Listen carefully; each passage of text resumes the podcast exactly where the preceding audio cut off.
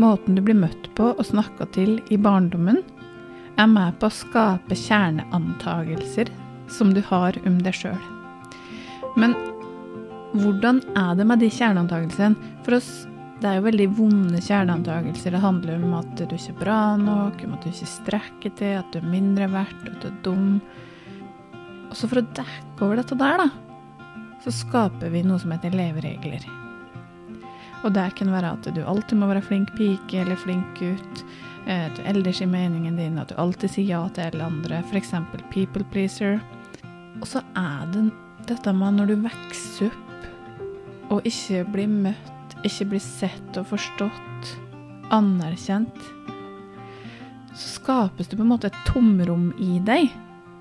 Og det tomrommet pleier en ofte på å fylle med noe fra det ytre, som f.eks.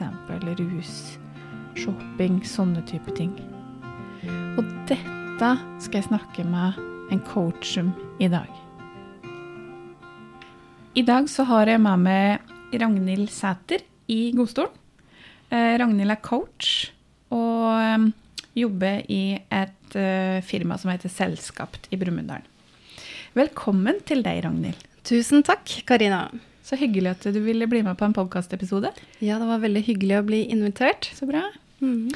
Først så vil jeg høre eh, hvem er Ragnhild? Ja, hvem er jeg? Og hvem er jeg egentlig akkurat nå? Ja. Fordi en ting jeg ser veldig klart nå, det er at eh, vi endrer oss i løpet av livet. Og det er veldig viktig å vite at uh, man har hele tiden muligheten til å bli en ny versjon av seg selv. En bedre versjon av seg selv. Ja. Men hvem jeg er Jeg jobber som sykepleier, jeg jobber som coach. eh, Jeg er også yogalærer. Um, jobber som du sa i Selskapt, også som eh, coach, og jeg er lidenskapelig opptatt av at vi skal leve et godt liv med oss sjøl og vår indre verden. Fordi det er fra derifra, når vi har det godt med oss sjøl, vi virkelig kan nyte det livet har å by på. At ikke bare fylt av motgang og smerte. Ja. Noe som jeg også personlig kjenner ganske mye til fra min eh, fortid. Da. ja. Mm. Jeg tenkte jo at vi i dag eh, skulle få høre litt av For du har jo en historie Ja visst. eh, som du hadde lyst til å dele. Eh, vil du si litt sånn om fortida di? Eh, barndom og sånn? Ja, det kan jeg da. Ja. Eh, da blir det litt sånn hvor skal jeg begynne? Men jeg kan vel egentlig si at eh, mine største utfordringer startet i ungdomstiden da jeg begynte på ungdomsskolen. eh, fordi jeg ble eh, mobba. Jeg ble plutselig utestengt av klassa, og dem jeg hadde gått på barneskolen med, slutta å si hei til meg på bussen, og de begynte å baktale meg. Det begynte faktisk med en eh, sånn skjønnhetskonkurranse på skolen, så alle guttene skulle kåre hvem var den, eh, hvem var den peneste jenta på skolen. Yeah. Og da kom jeg på tredjeplass fra guttene, og da ble det sånn sjalusidrama ut av en annen verden. Yeah. Og da var det sånn Nei, hun skal ut. Hun skal bort. Og yeah. det var eh, Ingen ville jobbe med meg. Jeg var så alene, og jeg følte liksom at det gikk helt i gulvet. Ja, verden min raste sammen, egentlig, da. For jeg var såpass ung og usikker Ja. som 13 år. Ikke sant. Så jeg klart byttet klasse og begynte å henge med litt rølpefolk. Begynte å røyke, ja, begynte å drikke. Og derifra så um, Jeg skal prøve ikke å gjøre det for langt, da, men jeg utvikla spiseforstyrrelser. Mm. Først overspising, så bulimi. Um, bet negler, så neglene mine så ikke ut. Jeg hadde liksom revna opp Altså. Det var store kjøttsår ved siden av neglene mine nesten. Ja. Sekundene jeg begynte å ruse meg på amfetamin, så sluttet jeg å eh, spise negler. Og jeg slutta å overspise og kaste opp. Ja. Så da fikk jeg erstatta den emosjonelle smerten som jeg kjente på, da, Ja. eh, med rusen. Men jeg hadde jo liksom funnet veien ut igjen for nå var alt bra. ja, ja, ja. Ikke Eh. Men eh, sånn som det alltid går, så det går jo ikke i lengden. ikke sant? Det er jo ikke noe strategi for å overleve. Nei. Ehm, ja, så begynte det egentlig ja, Jeg rusa meg vel til jeg var sånn 24 år, og så begynte jeg liksom å innse at det her går jo til helvete. Mm. Hadde razzia og ja. Ja. Såpass. Ehm, ja, det var ganske drøyt en stund. Jeg satte aldri sprøytene, fordi da var du narkoman, skjønner du. Å ja. Ja, Men um, det var helgefesting hele tiden, og etter hvert tiltrekk jeg meg folk som rusa seg enda mer. Så jeg rusa meg også uka plutselig, og da bikka det over, rett og slett. Da. Ja. Og det har vært ehm, Jeg hadde et angstanfall på ni og en halv time hvor jeg hadde så kørsvart øyne, og det lå, jeg trodde jeg skulle dø. Oi. Det var noe av det jævligste jeg opplevde. Ja, det Men det var en skikkelig wake-up call. da. Altså, Jeg kan jo ikke ha det sånn. Men du skjønte det på egen hånd at dette her går ikke? Ja, jeg Ja. gjorde det. Ja. Um, det hjalp. Altså, jeg vil si at politiet hjalp meg. Jeg har vært til politiet etterpå og sagt at eh, takk for at dere var så på meg. Eh, fordi det fikk meg til å skjerpe meg, da. Ja. Eller hva skal jeg si. Ja. Um, men det må jo si at jeg møtte en veldig veldig snill gutt som ble kjæresten min. Uh, han drev og rusa seg litt, han òg. Men eh, han hadde ikke det behovet egentlig jeg hadde. Altså, han var liksom ikke så på det, da. Eh, så sammen så skapte vi et litt bedre liv. Da. Så jeg vil jo si på en måte at eh, kjærligheten redda meg litt ut også. Fordi Ja. da hadde jeg liksom et håp om at det kunne være noe annet enn det her, da. Ikke sant? Så, men jeg vil også bare si en ting som faren min sa til meg en dag jeg var der. For de inviterte meg på middag på en søndag, og jeg var så langt nede. Jeg hadde liksom den nedturen ikke sant, etter å ha festa hele helga.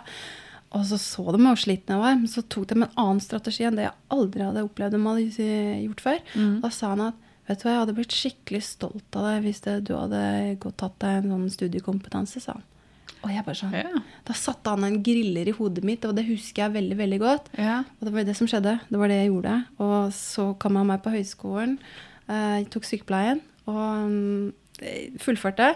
Men det var steintøft, fordi jeg hadde så angst, og jeg skamma meg så sinnssykt Ja. over hva jeg hadde gjort. Herregud, hvem er jeg da som skal være et forbilde for noen? Som Ja. sykepleier, som helse, forebyggende helse. Herregud, hva hadde jeg gjort hele livet? Jeg hadde jo bare problemer, ikke sant? Mm. Eh, ja. Og den skammen, da, den satt så høyt. Så det var panikkangst og panikkangst og sosialangst og ja, ja. prestasjonsangst, ikke minst. Ikke sant. Mhm. Men hva tenker du eh, Har du gjort deg noen tanker om hvor på en måte Hvor det kommer fra, dette her?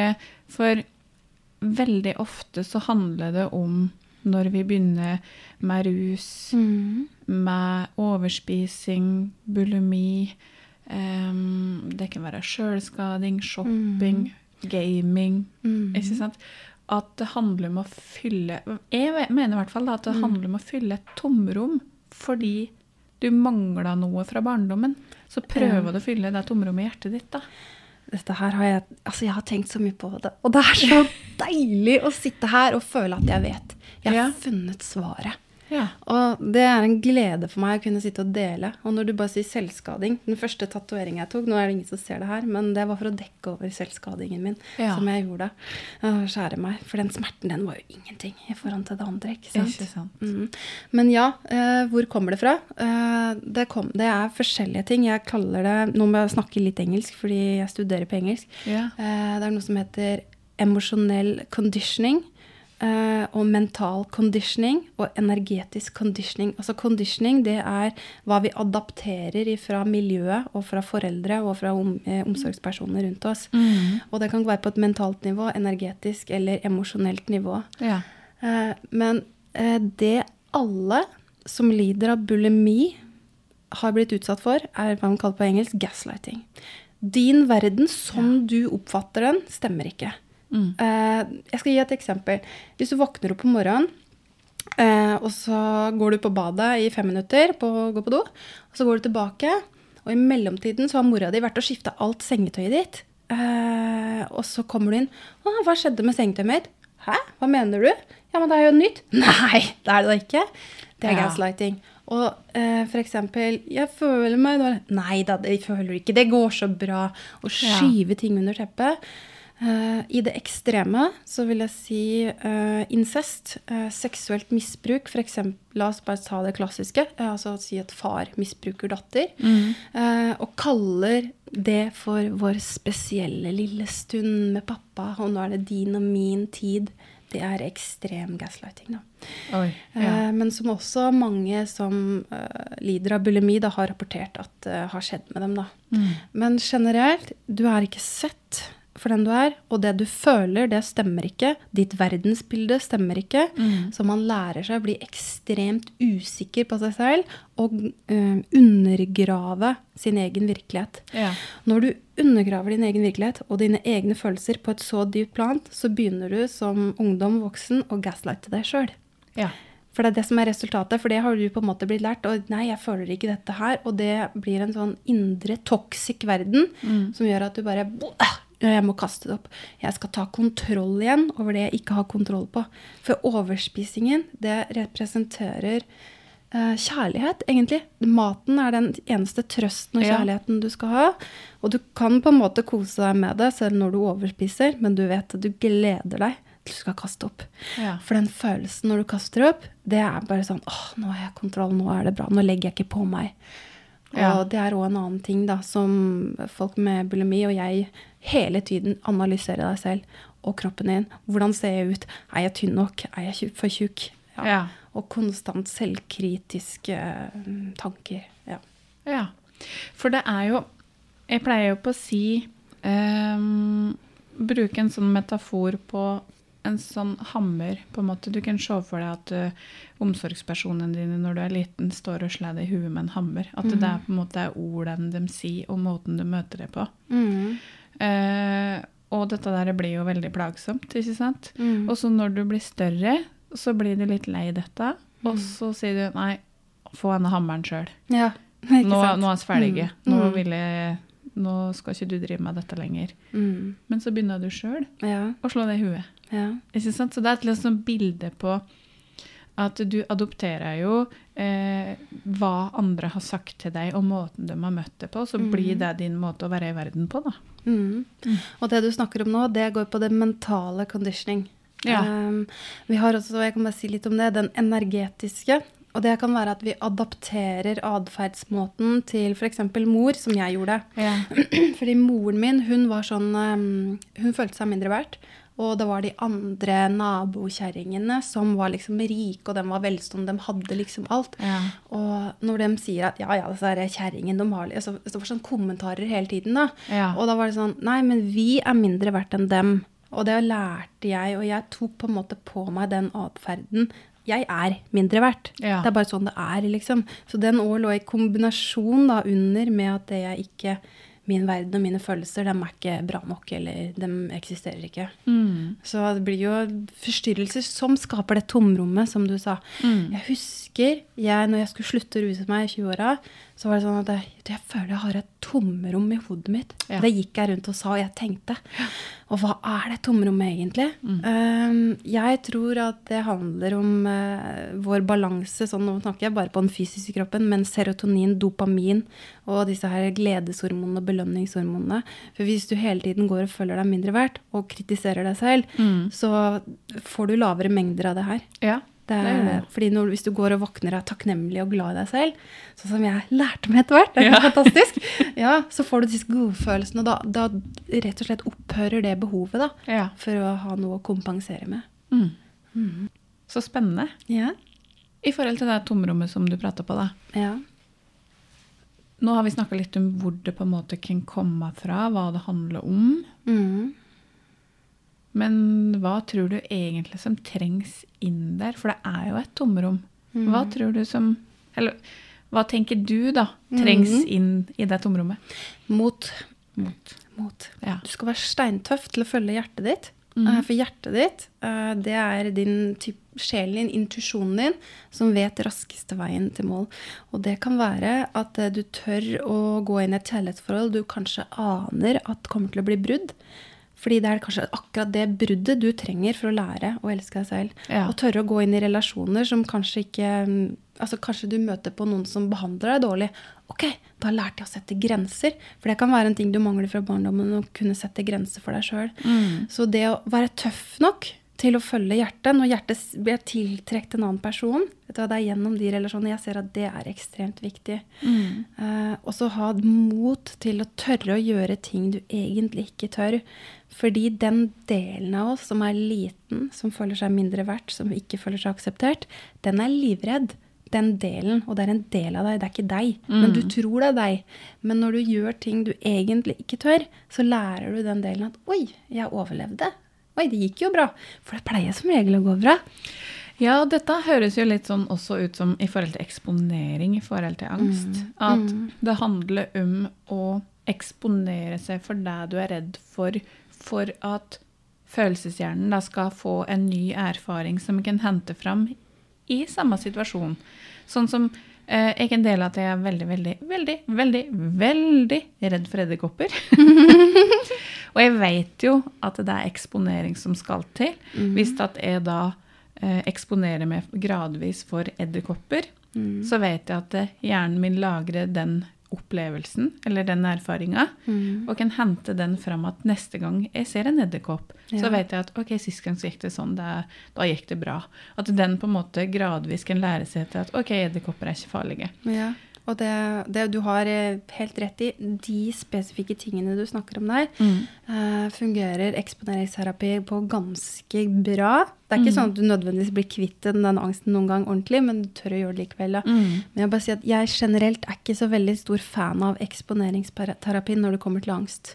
Og jeg skal Nei. forklare hvorfor. Yeah. Uh, når jeg selv hadde så sinnssykt angst, så pressa jeg meg sjøl så hardt ut i ting og ut i jobb og uansett hva det er på skolen. Ja. Og jeg ble bare helt utmatta og utslitt av det. Og det hjalp meg egentlig ingenting. Nei. Men det, dette her er òg eh, innsikten som fikk meg til å bli totalt kvitt min angst, skal jeg dele nå. Ja. Og det er at det, du må møte angsten, og du må se den og tørre å føle på den. Det betyr at altså Jeg hørte mm, Ralph Smart på YouTube. For 'How to get rid of anxiety' søkte jeg på. Ja. Og så snakka han om at dette her med, Vi har hele tiden rømma vekk. Mm. Og hva hadde jeg gjort, da? Nei, for at ja, ok, greit nok at jeg hadde fått det bedre med meg sjøl når jeg hadde begynt å jobbe som sykepleier, og alt gikk sånn passe bra. Mm. Uh, men jeg hadde jo litt angst ennå, og det kunne vært ting som trigga det. Eh, men hva gjorde jeg når jeg hadde frihelg? Jo, Jeg var ute og festa, ute i selskap, og liksom Altså, det var hele tiden noe for å forstyrre seg selv. Ja. Så jeg bestemte meg for at frihelga mi så skulle jeg sitte hjemme, og så skulle jeg sitte og føle. Ja. Så jeg tørte, altså jeg slo av TV-en, jeg låste døra, og jeg slo av telefonen min, og så satt jeg og kjente etter inni meg. Eh, og så kjente jeg at å, shit, der var det mye! Ja. ja, og jeg, det, var, det var liksom den dagen som snudde alt, som fikk ting til å rulle og eskalere til at jeg skulle rett og slett lære å elske meg selv og bli Ja. kvitt angsten min. ja. Så hvis du har angst, møt deg sjøl og møt angsten din. Det er kun det angsten inni deg trenger. Det er å bli møtt av deg. For det er jo litt sånn at eh, når eh, på en måte angsten til mer enn kommer fram i lyset, til mindre blien, eller altså til mindre skummel blir ikke sant? For det handler om å bli venn med en sånn at du kan ta tilbake kontrollen sjøl. For det er jo angsten som har for mye kontroll over deg, da. Og så tenker jeg dette du sa om eksponeringsterapi. Eh, Det er jo ikke bra å bare presse seg sjøl ut til noe. Det handler om at eksponeringsterapi må være godt planlagt. Ja, bra poeng. Ja. Mm. For eh, når jeg jobber med eksponeringsterapi, så er det et eget skjema. Du gjør det for å undersøke noe. Du skal sjekke hva skjer i kroppen min. Mm. hva kjenner jeg på av følelser? Hvilke tanker har jeg? Eh, hva ser jeg rundt meg? Altså at du på en måte har en plan. For det er, det er ikke bra. Altså det kan være virke motsatt, Ja, faktisk. ja. Å presse seg ut i noe som er veldig angstfylt. Ja, men det var veldig fint at du understreket det. Og det du beskriver der, er jo bevisstgjøring av Mm. følelser. som Det tenker jeg er veldig bra. Fordi mange er veldig avkobla av følelsene sine eh, generelt. Og vi Ja. undertrykker dem. Vi er veldig flinke på det. Jeg var det også. Ja. Og det du sier med at det kanskje tjener mot sin hensikt, så handler det om at veldig mange av oss er, har jo sånn flink pike-syndrom, da. At Ja, vi skal uansett, og vi skal prestere og sånt. Ja. Ja. Og vi kan jo kanskje le av det, men eh, det er en smertefull tilværelse Det det, også, det. å leve i. Og det er, det er mange flinke piker og flinke gutter der ute, altså. Ja. Og det Ja. Jeg tenkte også på det tomrommet, fordi at eh, du sa mot. Eh, og så nevnte du mot til å på en måte komme inn i en relasjon som kanskje ikke er bra for deg, for å lære å elske deg sjøl. For det jeg tenker tomrommet handler om, er mer sånn kjærlighet til deg sjøl, altså egenkjærlighet. Mhm. Det er jo det på en måte jeg snakker om med mot, fordi det er det relasjonen lærer deg. Ja. eh, Å elske deg selv. Ikke Men det er så mye vanskeligere å lære seg på egen hånd bare ved å studere det og gå og si ja, jeg elsker meg selv, jeg elsker meg selv. Eller Ja. på en måte programmere deg til det. da. Ja. For det er gjennom dirty work eh, og rett og slett smerte da, jeg, Ja. som jeg ser. Men ja, det er å elske seg selv. Mm. Se deg selv, anerkjenne deg selv. Mm. Ja, for det er jo å gi deg sjøl det du ikke fikk når du var liten. Helt Enkelt og greit. Og hvis du sitter og hører på det her og tenker at det, å, det er vanskelig, men så Ja, det er vanskelig helt til det ikke er vanskelig lenger. Mm. Mm. Det er noe med det. Mm.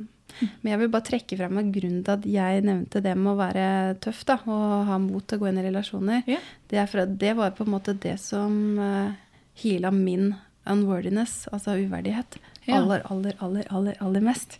Ja. Og det å tørre å gå inn i et kjærlighetsforhold som jeg egentlig ikke turte. ja. Så, og det, det var det mest pagiske som noen gang har skjedd. Det var som å løfte 25 kilo minst med murstein jeg hadde på ryggen. Ja. Helt fram til på en måte den letta. Og jeg slutta å bry meg så mye om hva andre folk mente og tenkte, og slutta å leve livet for andre og begynte å leve det for meg sjøl. Mm.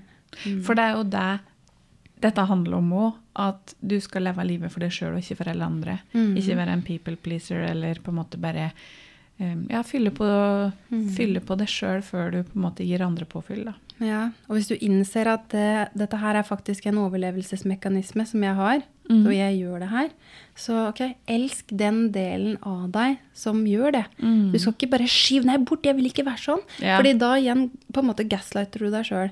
Så hvis du klarer på en måte Jeg ser hva jeg gjør. Ok, vennen min, jeg liker å legge hånda mi på brystet. Ja. Og så liksom snakke inn til meg sjøl. Jeg ser deg. Jeg ser at du har behov for å bli sett. Jeg ser at du har behov for å bli hørt. Men jeg er her for deg nå. Jeg ser deg. Jeg føler deg. For du validerer deg sjøl på så mange plan hvis du gjør dette her. Ja, for det er litt sånn som jeg og du prata litt om før oss gikk på, i forhold til indre barnearbeid. Mm, stemmer. Mm, ja. Så hvis du klarer å hile si alle dine indre barn og Mm. situasjoner du har blitt eh, utsatt for, som du lærte deg overlevelsesmekanismer, så du, føler du deg hel. Du er helt hel i Ja. deg sjøl. Og den følelsen den unner jeg alle får lov å oppleve. Mhm. Ja. Fra barndommen, det jeg husker som um, var en sånn gjentagende greie for meg, det er at uh, uansett hvor mye jeg ville eller prøvde å uttrykke at jeg skulle noe, så følte jeg ikke at det var jeg som satt og bestemte. Altså Jeg følte ikke jeg hadde noen kontroll over mitt eget liv. Nei. Det var kun foreldrene mine som bestemte. Og det var liksom en sånn indoktrinert greie om at eh, vi skulle ikke si så mye og bli hørt så mye, på en måte. Altså, ja, de hørte på så, sånne ting, men eh, jeg følte ikke at jeg, Til syvende og sist så hadde jeg ingen kontroll Nei. over mine egne valg og liv. Det var styrt av noen andre. Mm. Så den følelsen av å sitte med liksom ikke være i førersetet i det hele tatt, den husker jeg veldig godt. da. Men jeg må bare si at dette her er noe jeg ikke har sett før jeg ble bevisst Nei. i senere tid. da.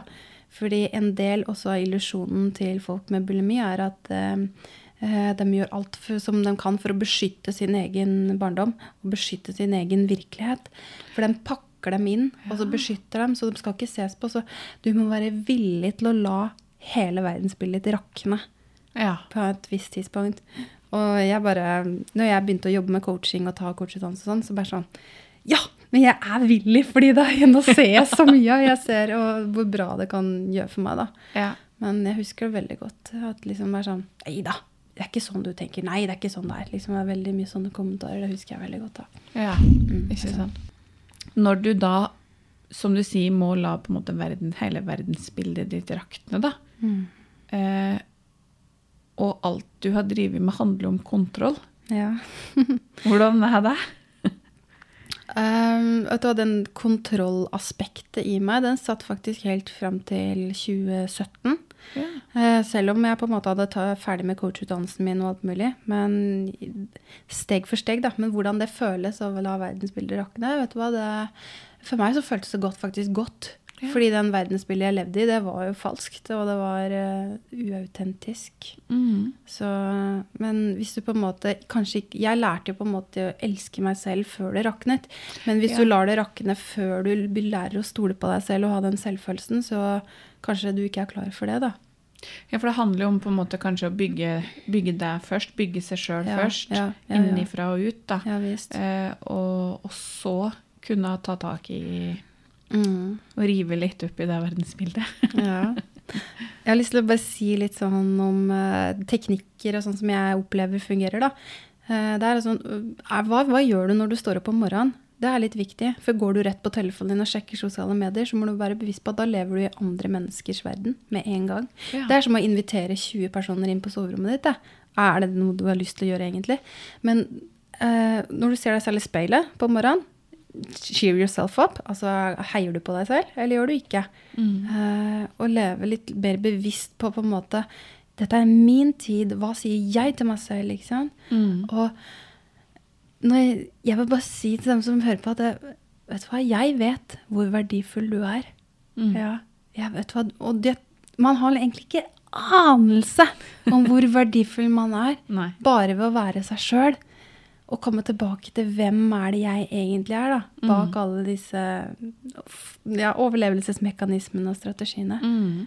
Og jeg tror også på at smerte tar oss til eh, det som er godt.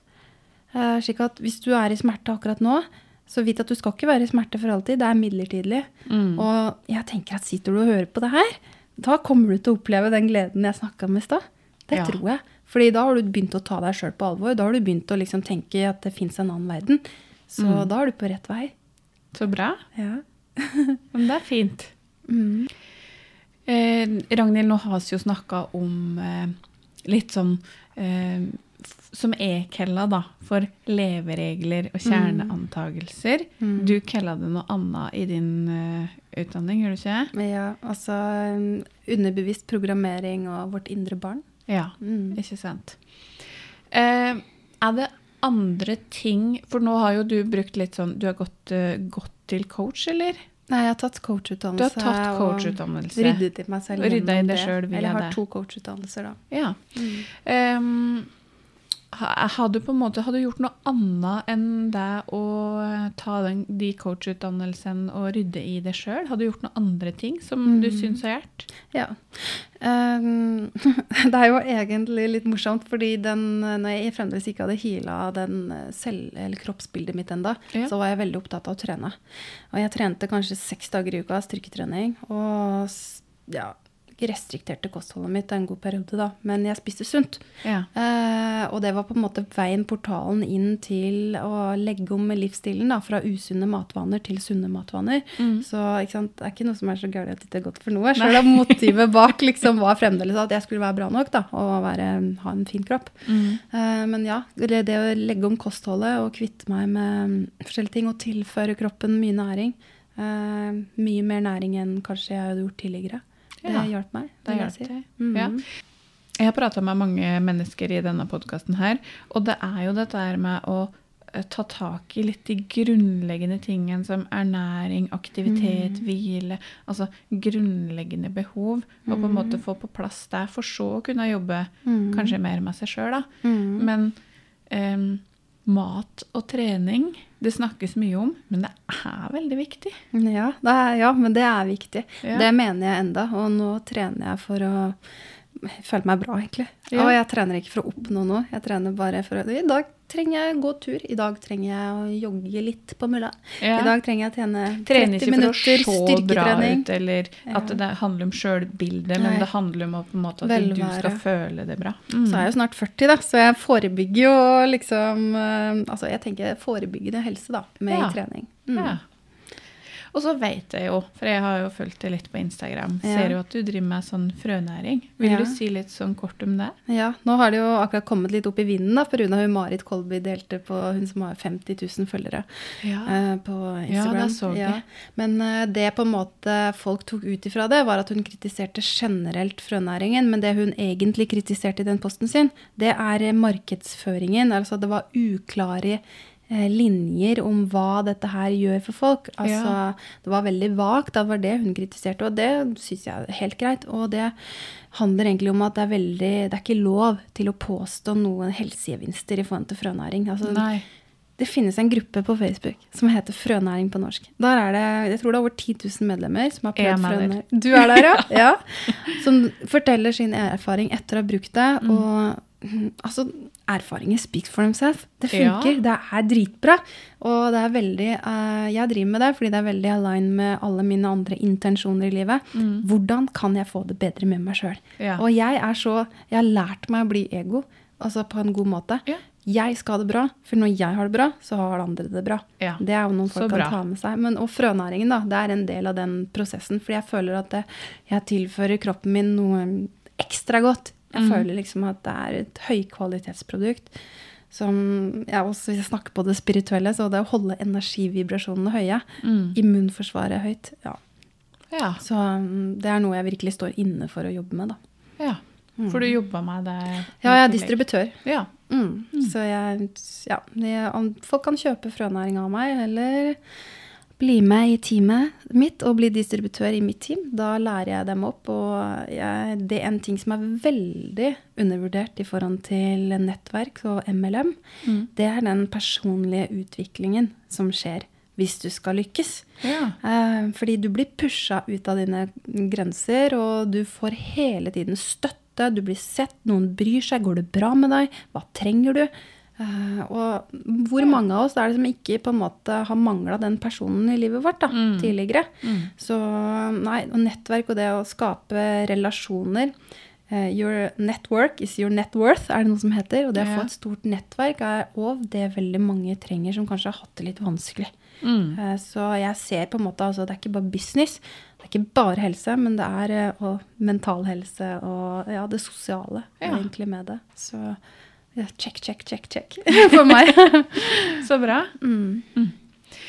Eh, er det noe du kjenner at du har på hjertet som du har lyst til å dele, eller som er et viktig budskap du har å gi, eller noe du vil si til lytteren? Mm. Du skal ikke skamme deg i det hele tatt for å elske deg sjøl. det vil jeg bare si at eh, jeg, ut fra min egen skam, hvor mye jeg skammet meg eh, du skal, du skal Hør nå, nå sier jeg du skal sette deg sjøl først. Du skal si hva er det som er riktig for meg. Jeg skal gi et eksempel på hva som var veldig vanskelig for meg. Det var å avlyse avtaler. Jeg føler jeg måtte prestere og være på det. Ja. Eh, men nå er det sånn Jeg legger meg kvelden. Hm, har jeg lyst til å avlyse, så gjør jeg det. For jeg har slutta å bry meg om hva andre folk mener. Ja. Så bry deg om deg sjøl. Anerkjenn deg sjøl. Ta vare på deg sjøl. Vær så ego du bare vil. Og det er helt fantastisk, for det er da du kan sitte og hjelpe andre mennesker etterpå.